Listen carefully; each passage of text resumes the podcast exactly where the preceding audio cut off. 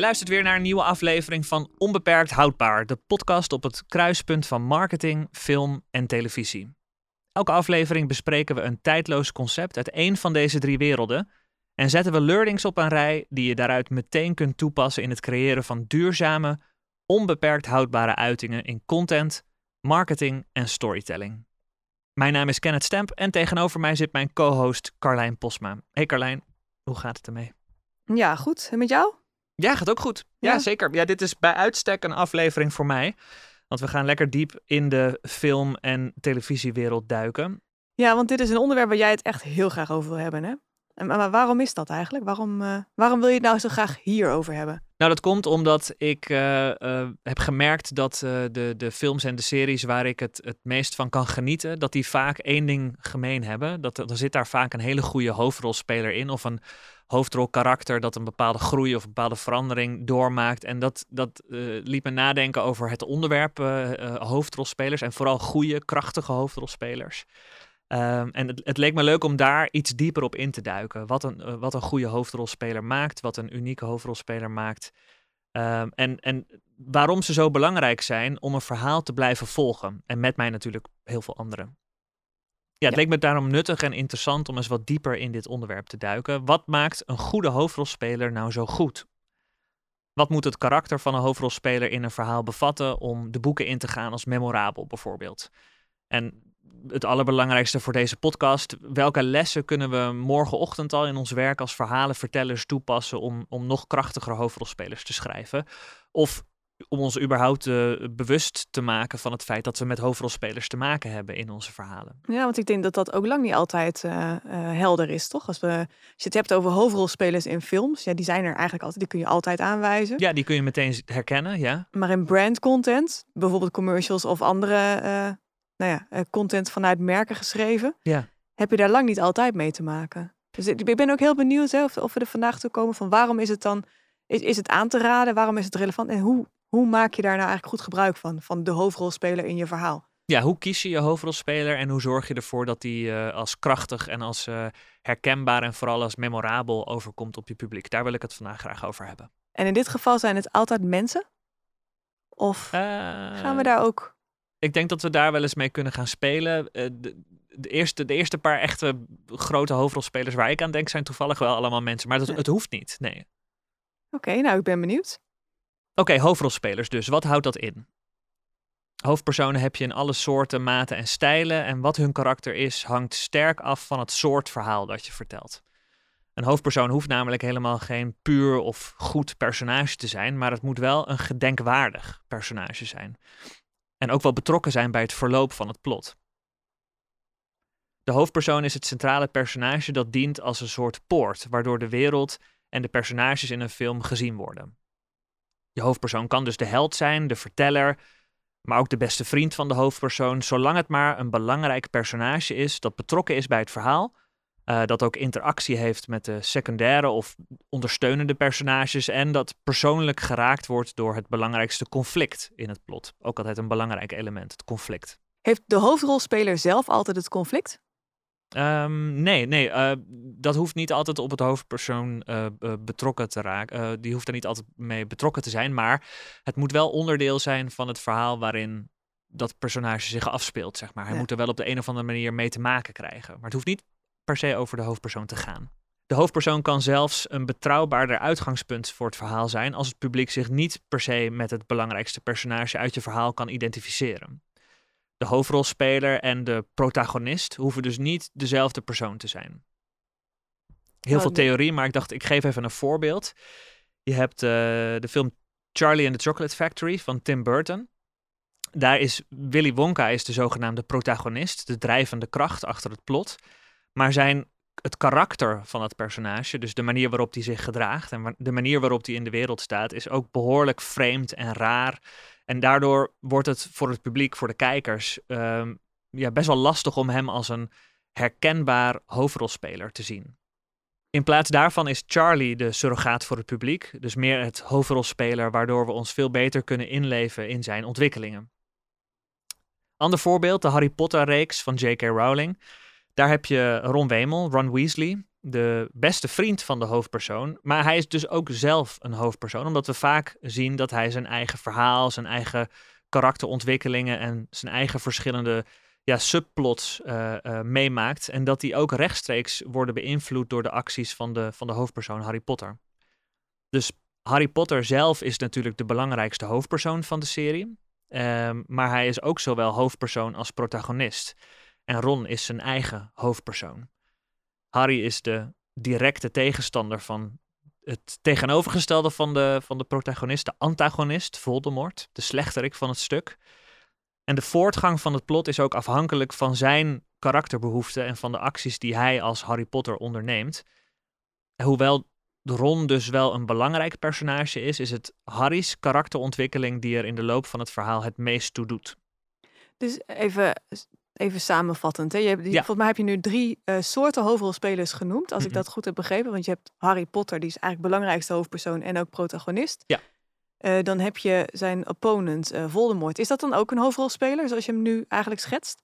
Ja, ja, net als dat Harry Potter zelf een hoofdrolspeler en een protagonist is, is Voldemort een hoofdrolspeler en een antagonist. Want, want Voldemort heeft zelf ook zijn eigen uh, uh, karakterontwikkeling. Daar kun je de dus hoofdrolspeler ook vaak aan, aan, aan herkennen. Als er een karakterontwikkeling zit in een personage, dan is het vaak een hoofdrolspeler of is dat te kort door de bocht? Nee, ik denk dat uh, dat kun je best zeggen. Is het vaak een hoofdrolspeler? Dus dat is een van de manieren waar je een hoofdrolspeler aan kunt herkennen.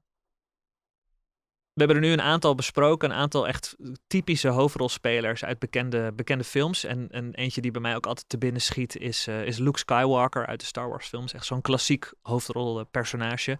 Maar wat, is, wat, wat zijn wat jou betreft de meest memorabele hoofdrolspelers, Carlijn? Ja, ja daar, kom, daar kom ik toch weer met mijn Queen's Gambit, hè? Oh ja, ja, ja.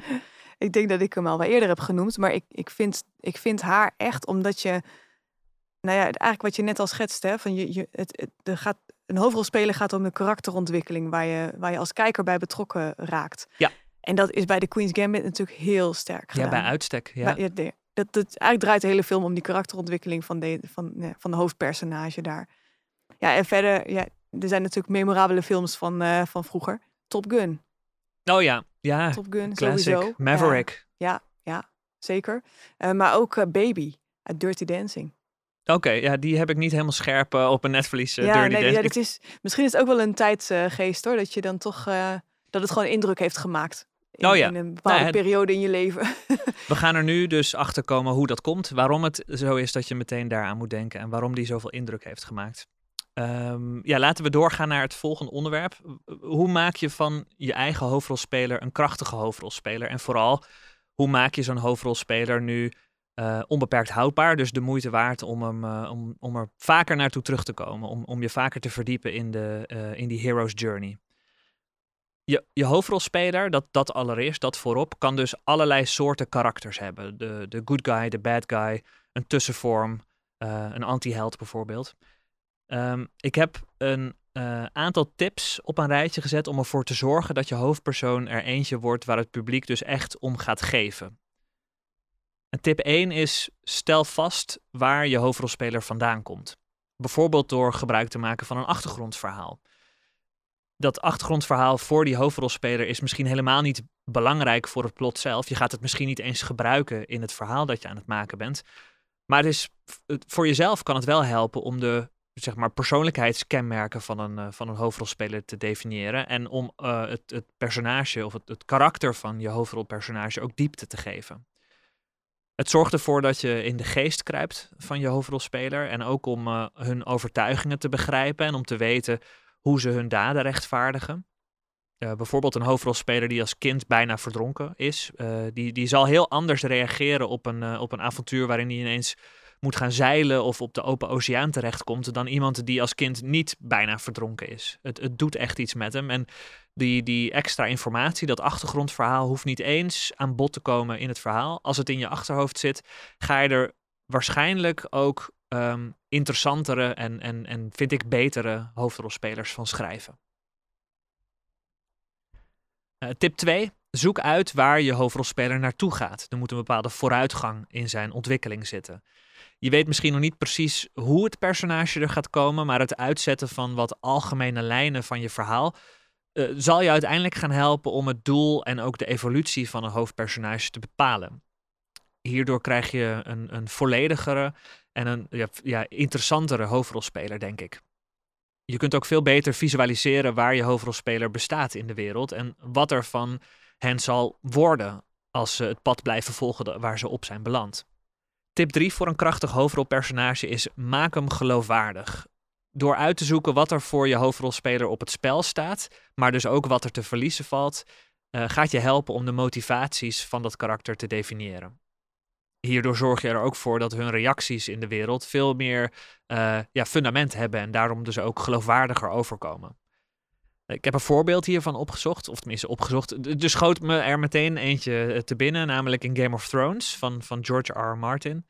Je hebt daar, en ik, ik vond daar echt verschrikkelijk uh, aan het begin van de serie. Je hebt Cersei Lannister, een heel krachtig en sterk personage, die vooral heel loyaal is aan haar familie. En um, vooral, ja, waar ze vooral zichzelf uh, laat zien, waar ze zich blootgeeft, is hoe ze omgaat met haar kinderen. Een soort onvoorwaardelijke liefde heeft ze voor haar drie kinderen. Kleine spoiler voor uh, Game of Thrones, maar het, het, loopt niet altijd goed af met de kinderen van Cersei Lannister. En elke keer als er weer een kind van haar doodgaat, dan zorgt het ervoor dat ze steeds meedogenlozer en beschermender wordt. En dat zorgt er voor het publiek weer voor dat het ja, wat gemakkelijker wordt uh, om, haar, om haar echt te geloven als hoofdrolspeler. Om, om je in haar te verdiepen. Hoe, hoe naar ze in het begin van die serie ook is en hoe, hoe weinig je met haar hebt. Als ik naar mezelf kijk, was dat bijvoorbeeld heel erg het geval met, met Cersei. Ik vond het echt verschrikkelijk. Maar ik moet zeggen dat na zoveel seizoenen en ook na zoveel uh, ontwikkeling, vooral dus de ontwikkeling die ze doormaakt met haar kinderen, er wel voor zorgde dat het voor mij een, een iconisch hoofdrolpersonage werd. En ook iemand die ik wel graag wilde blijven volgen.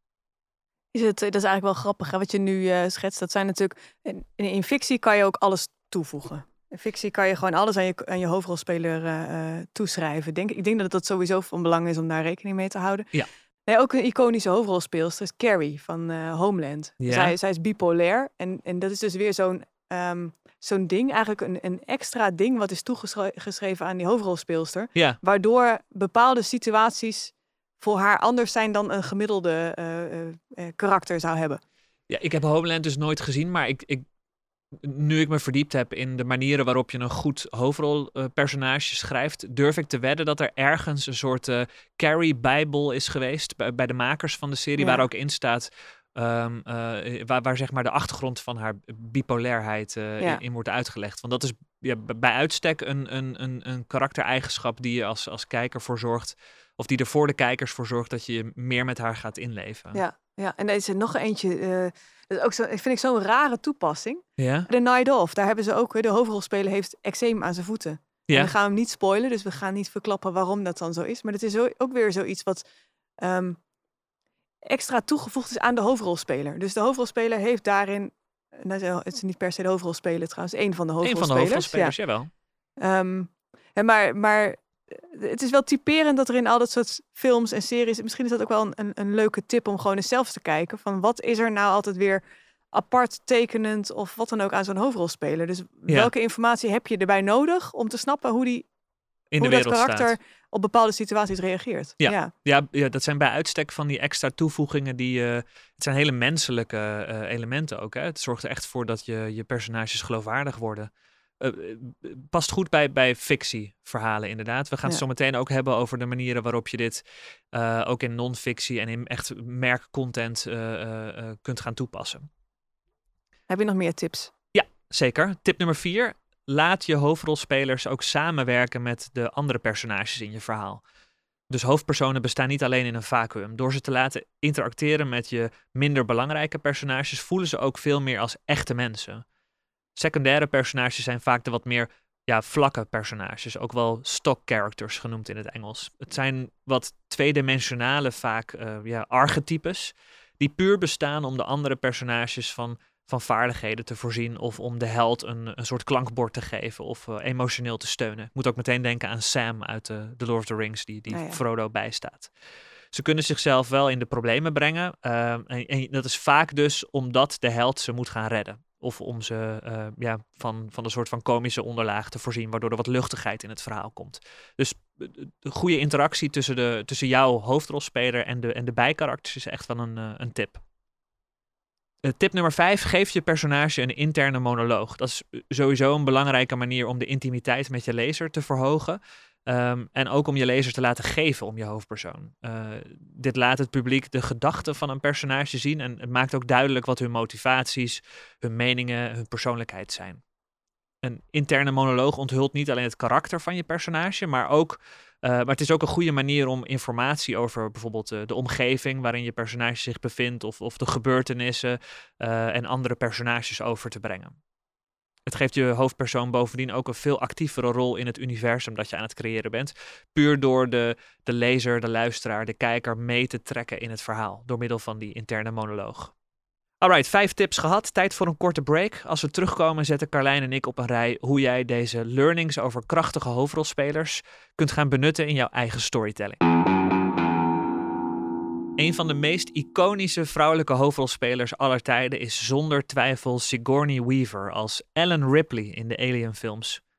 In 1979 speelde ze de rol als eerst en dit was een van haar allereerste grote hoofdrollen. Ondanks dat werd ze behoorlijk getest door regisseur Ridley Scott. Wist je bijvoorbeeld dat hij elke opnamedag de muren van het ruimteschip waar de film zich op afspeelt dichter naar voren schoof, zonder dit aan de acteurs te vertellen? Hiermee wilde hij het gevoel van claustrofobie en paranoia op de set vergroten, in de hoop dat dit te merken was in de acteerprestaties van zijn cast.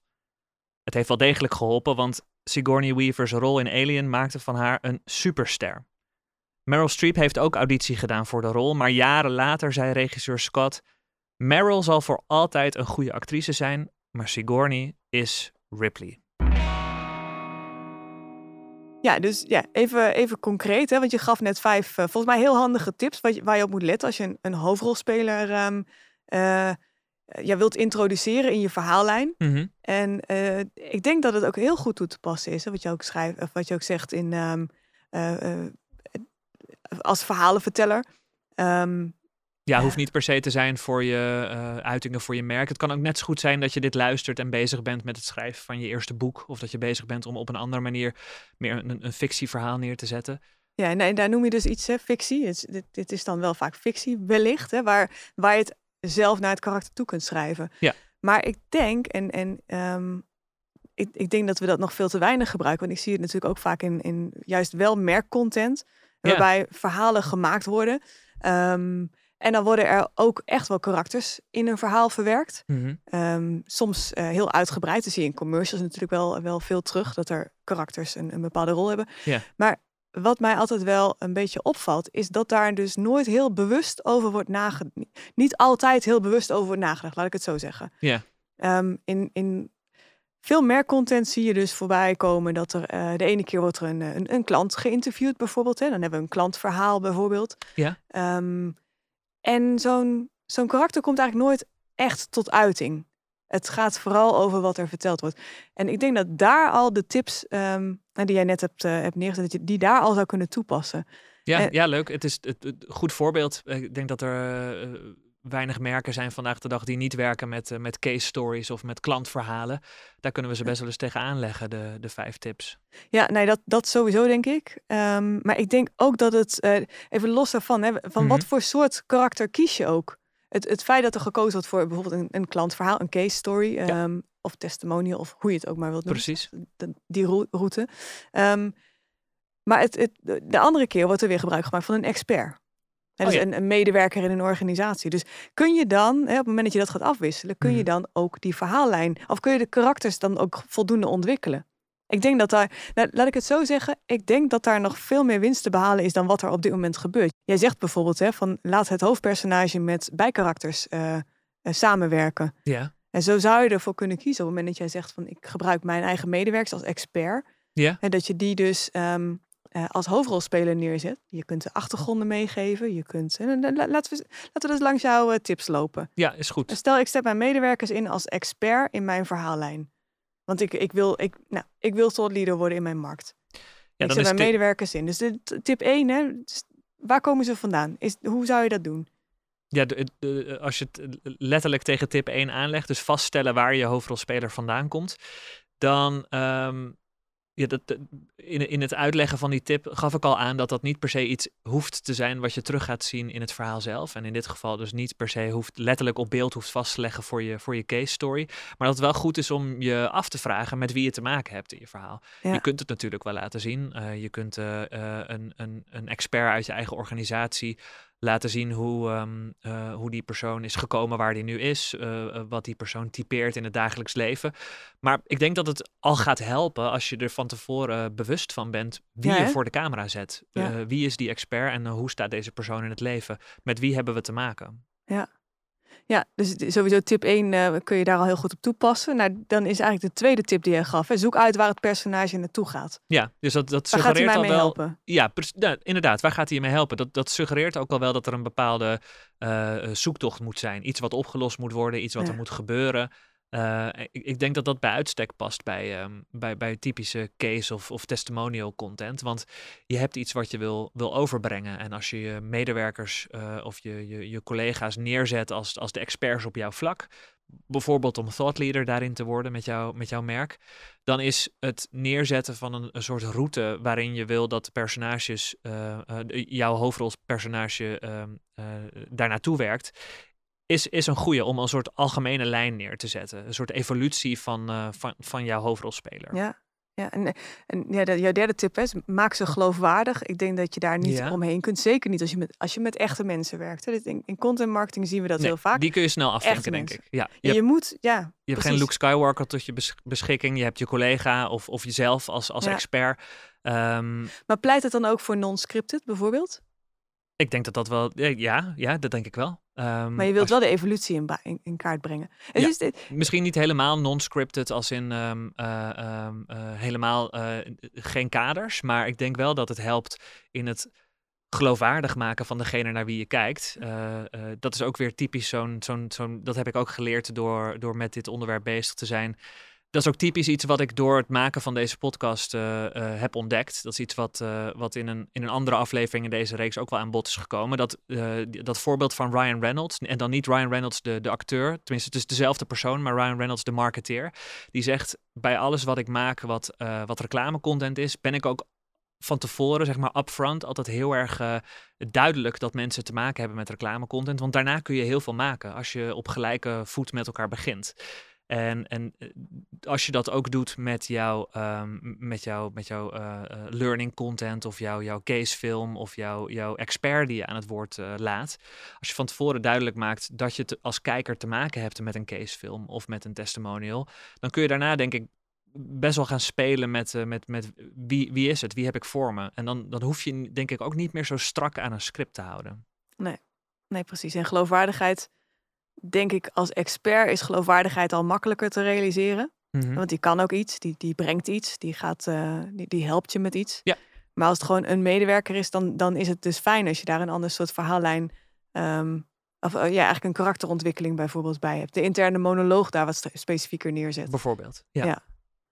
Eh, oh, de interne monoloog, dus eigenlijk tip 5 pas. Ja, maar dan heb- hebben we het daar zo meteen nog even eh, wat specifieker over. Maar eh, eh, ik zit naar tip 4 te kijken. Laat je hoofdpersonages samenwerken met de bijpersonages. Ja, daar ben ik me al heel lang niet, niet bewust van geweest. Maar dat is ook eigenlijk een hele makkelijke die je kunt toepassen in je verhaal. Om dus een geloofwaardiger hoofdrol, hoofdpersonage te maken. Ja. Ja, precies. Dus eigenlijk is het, het laten samenwerken is, is ook brandstof of is een, een tactiek om je karakters geloofwaardiger te maken. Ja, precies. Eh, eh, je, je ontkomt er dan niet aan dat je andere, ehm, bijvoorbeeld medewerkers uit je bedrijf, of als je een casefilm maakt eh, eh, en je bent bij een klant, andere, andere mensen die ook bij dat bedrijf werken, dat je die een rol geeft in je film, dat dat een minder belangrijke rol is dan de, de expert of echt de, de klant die het verhaal vertelt. Ja. Maar het zorgt er wel automatisch voor dat als, als je weer terugknipt naar de, naar, naar de klant of naar de expert, dat je eh, veel meer context hebt. Je hebt veel meer gezien van de, van de be- beleefwereld waarin die, dat personage zich, zich begeeft. Eh, ik vond dat echt, eh, eh, als we het er zo over hebben, vind ik dat een hele concrete en ook super goed toepasbare tip voor geloofwaardige hoofdpersonages. Ja, ja, geloof ik direct. En ik denk ook dat iedereen daar direct ook wat mee kan. Ja, ja, het is een leuke oefening om, om dat eens tegen eh, de- de volgende casefilm te leggen die je gaat maken. Ehm, eh, waarom zou ik alleen maar de eigenaar van het bedrijf interviewen als ik ook eh, een, een, een, medewerker of een, een andere expert uit die onderneming aan het woord kan laten? En die laatste tip, hè, geef je personage een interne monoloog. Ja, de, ehm, hoe zou je dat dan toepassen op je expert? Ja, dat is een goede vraag. Want dat gaat denk ik in een, eh, in, in een casefilm zoals we die traditiegetrouw zien, eh, wat lastig. Ja, nou ja, je kunt natuurlijk best wel eh, even ehm, eh, loskomen van, het, van het, eh, het, het standaard script waarin de expert, zo zie ik het in mijn hoofd, eh, met de camera praat, met de kijker in gesprek is. En diegene laat lopen over de werkvloer of een wandeling laat maken of, of, of, of aan het werk laat gaan. En dat dan even de voice-over het overneemt. De interne monoloog kan dan de voice-over zijn van de, van de video. Ja, oh ja, allemaal van die dingen die we uit de film- en de seriewereld kunnen halen eigenlijk. Hè? Ja, Ja. ja bij uitstek. Ja, ja het, het, het, het is misschien af en toe een beetje zoeken. En, en, en een beetje Nou, wat, kneden. wat ik vaak hoor is van ja, maar wij kunnen dat toch niet. Wij kunnen toch niet hetzelfde maken als wat ze daar maken. eh, In, in, zeg maar, in marketing en in, in branding. Ja, En de toch- mensen die dat zeggen hebben ook gewoon gelijk. Want je hebt geen miljoenen Hollywood budget tot je beschikking. Ehm, Nee, dus- je hebt niet de budgetten tot je beschikking, zeker. Maar laten we de media meetellen. Ja. Die komen ook al een heel eind. Maar Ja. even los daarvan, ik denk inderdaad wat jij nu ook schetst... en wat we bij, bij meerdere afleveringen ook voorbij eh, horen komen... is dat daar zoveel kennis en, en eh, specifieke voorbeelden klaar liggen... Precies. die wij met onze veel kleinere doelgroepen dan wat ze daar, waar ze daarmee te maken hebben, Ja. heel goed kunnen, ehm, nou ja, kunnen kopiëren, laat ik het maar zo zeggen. Ja. En in ieder geval goed naar kijken en bewust van zijn. Want wat jij ook schetst, die hoofdpersonages, we kiezen altijd maar zo iemand, li- lijkt het. Mhm. En dat is, dat is een beetje gechargeerd. Er zijn natuurlijk echt gewoon goede karakters, ook in de tv-commercials, Ja. die echt goed zijn gecast. Ik denk, nou, Jumbo-familie is denk ik heel goed. Mhm. Ik mis het nog altijd bij die Albert Heijn commercials. Ja, Daar ja. praten we over eh, Ilse. Ja, Ilse komt niet verder. Nee, Dat is die supermarktmanager. Daar hebben we in andere afleveringen ook al eens even over gepraat. ja. Maar zij komt niet verder. Er zit geen ontwikkeling in haar karakter, heb ik het idee. Nee, ik denk dat je, het, dat je best een leuke case study kan maken over Ilse als, als hoofdpersoon in de Albert Heijn commercials. Ja. Volgens mij, daar is ruimte voor verbetering. Ehm, maar de, de, de- dat is ook precies wat we willen doen met deze podcast natuurlijk. Eh, alles heel concreet maken en, en vooral heel goed kijken naar wat ze doen in, Ja. in Hollywood en verder. In de film- en tv-wereld. En daar de, de, in ieder geval de elementen uitpakken waar je wat aan hebt in het vormen van jouw eigen verhalen en jouw eigen eh, eh, hoofdrolspelers daarin. Ja. Ja, nou hebben we het natuurlijk eigenlijk de hele tijd gehad over hè, echt personen, personages. Ehm, nou is natuurlijk de animatiewereld ook heel groot. Dus daar hebben we het over van alles kan het zijn. Het Ja. zijn natuurlijk, eigenlijk zijn het ook pratende personages. Mhm. Ehm, maar zijn er ook nog zijn er voorbeelden van eh, waar het geen personage is, maar toch een ontwikkeling doormaakt? Nou, geen. Ja, dat is een goeie. Ja, Wally is een robot, maar ook gewoon een, een, personage. Ja, precies. ja, ja, ja, ik vind het lastig om een voorbeeld te noemen waarbij het geen, geen persoon is, hoor. Misschien is dat er ook niet. Maar daarbij, daar zit natuurlijk ook een groot contrast tussen waar je verhalend eh, eh, communiceert en waar het bijvoorbeeld over producten gaat. Ja, precies, over het overbrengen van kennis of productinformatie. Ja, ja. Ja. ja. dan praat je natuurlijk veel meer over concepten en over voordelen en over manieren om iets toe te passen en niet per se aan de hand van een hoofdrolspeler. Dat Ja. klopt. Terwijl heel vaak, eh, dat is dan een discussie die dan gevoerd wordt. En wie is de held in het verhaal en wie is de held in jouw campagne? Wie is, wat, is, wat is de held? Ja. En dan is het vaak het product. Maar daar kun je dus weinig. Kun je, of kun je dan bij een product ook dit soort eh, tips toepassen? Ja, ik, De interne monoloog van een zakje chips. ja precies. Eh, die, dat wordt lastiger, hè? Het wordt een hele creatieve commercial die ik al wel voor me zie. Dus ja, waarom niet? D- dat is het ook, denk ik. Waarom niet? Ehm, eh, eh, je, je Dan kunt- praat je weer over fictie. Ja, ja. Prima, ja. Precies, maar je bent wel, je, bent wel je product aan het, aan het laten zien Ja. en, en, eh, en, en de voordelen daarvan eh, en, en de onmisbaarheid daarvan aan het, eh aan het En de het karaktereigenschappen dus eigenlijk. Ja, ja, eigenlijk wel. En misschien, misschien ga je het niet eens gebruiken in, in de commercial die je aan het maken bent. Maar puur het feit om daar op die manier over na te denken. Net als bijvoorbeeld dat, die backstory, dat, dat achtergrondverhaal van je ja. hoofdrolspelers. Het gaat je wel helpen om je eh, product, om je, om je, Ja, om je om je personages beter te eh, begrijpen. vertrekpunt van je verhaal ook neer te zetten. Ja, ja, dit kan ik mij heel goed voorstellen. Dat is een mooie tip. Ja, ik denk inderdaad, hè, waar we net ook ehm, eh, mee afsloten. Het, het feit dat je dit soort. eh, dat, je, dat je kunt nadenken over eh, de hoofdpersonages in jouw eh, verhaal. eh, Mhm. dat dat ook maakt dat jij dus langer houdbare eh, verhalen kunt maken. Langer houdbare content hebt. Want eh, dit even het verschil met ik ga één aflevering maken en ik eh, gooi er een klantcase in en iemand vertelt hoe geweldig en fantastisch het allemaal was. Ja, En de volgende hebben we de expert aan het woord. Ja. Daar zit geen opbouw in. Daar zit geen betrokkenheid in. Die, Geen je, vraagt geen betrokkenheid van het publiek. Nee. En dan is het dus mooi als je eigenlijk een karakter kunt opbouwen over verschillende afleveringen heen. Door, door een, de rode draad van het verhaal heen. Waardoor het publiek betrokken raakt bij jouw hoofdrolspeler. precies. En ik denk dat je op die manier, en dat is misschien wel vergelijkbaar met waar we het eerder in andere afleveringen over hebben gehad. De MacGuffin. Ja. Het is brandstof. Nee, dit is geen brandstof. De MacGuffin is brandstof. Een hoofdpersonage is eigenlijk de, ehm, de go-to reason waarom het publiek betrokken blijft bij wat jij gaat vertellen. Ja, dat klopt. Die, dat voorbeeld probeerde ik ook te benoemen bij die verschillende eh, bekende hoofdrolspelers. Het, het is ook vaak een manier om jou als kijker het verhaal in te trekken. Om je iemand te, Ja. eh, voor te schotelen waar je je in kunt, eh, eh, waar je in kunt vinden. Waar je jezelf in ziet, waar je in kunt verdiepen. Ehm, dat is bij uitstek iets waar een, een, een goed hoofdpersonage voor zorgt. Mooi. Ehm, ik heb hier allerlei ideeën. Echt hè? Ik heb Ja. ook weer zin om, om, om, om aan te gaan schrijven hierdoor. Oké, dat was hem weer. Een nieuwe aflevering van Onbeperkt Houdbaar. Vond je dit nou een leuke aflevering? Dan zouden we het ontzettend waarderen als je hem met iemand deelt. En ook zouden we het geweldig vinden als je ons vijf sterren geeft. Bijvoorbeeld op Apple Podcast of op Spotify. En als je helemaal fan van ons bent, daar ook een recensie wilt achterlaten. Reageren kan ook. Bijvoorbeeld een vraag stellen of een onderwerp aandragen. Dan kun je ons een e-mail sturen. Doe dat dan naar onbeperkthoudbaarpodcast.gmail.com. Heel erg bedankt voor het luisteren. Blijf nog even hangen voor een voorproefje van de volgende aflevering. En graag tot de volgende keer. Tot de volgende keer. De Onbeperkt Houdbaar podcast is geproduceerd door Carlijn Posma en door mij, Kenneth Stemp. De podcast is gemonteerd en gemixt door René Posma in de studio van Two Stories in Zwolle. René heeft ook onze muziek gecomponeerd. Onze showart is ontworpen door Vincent van Dijk. Volg ons op de socials, daar zijn we OH de podcast. En stuur je e-mail naar onbeperkthoudbaarpodcast.gmail.com. Bedankt voor het luisteren. Tot de volgende keer.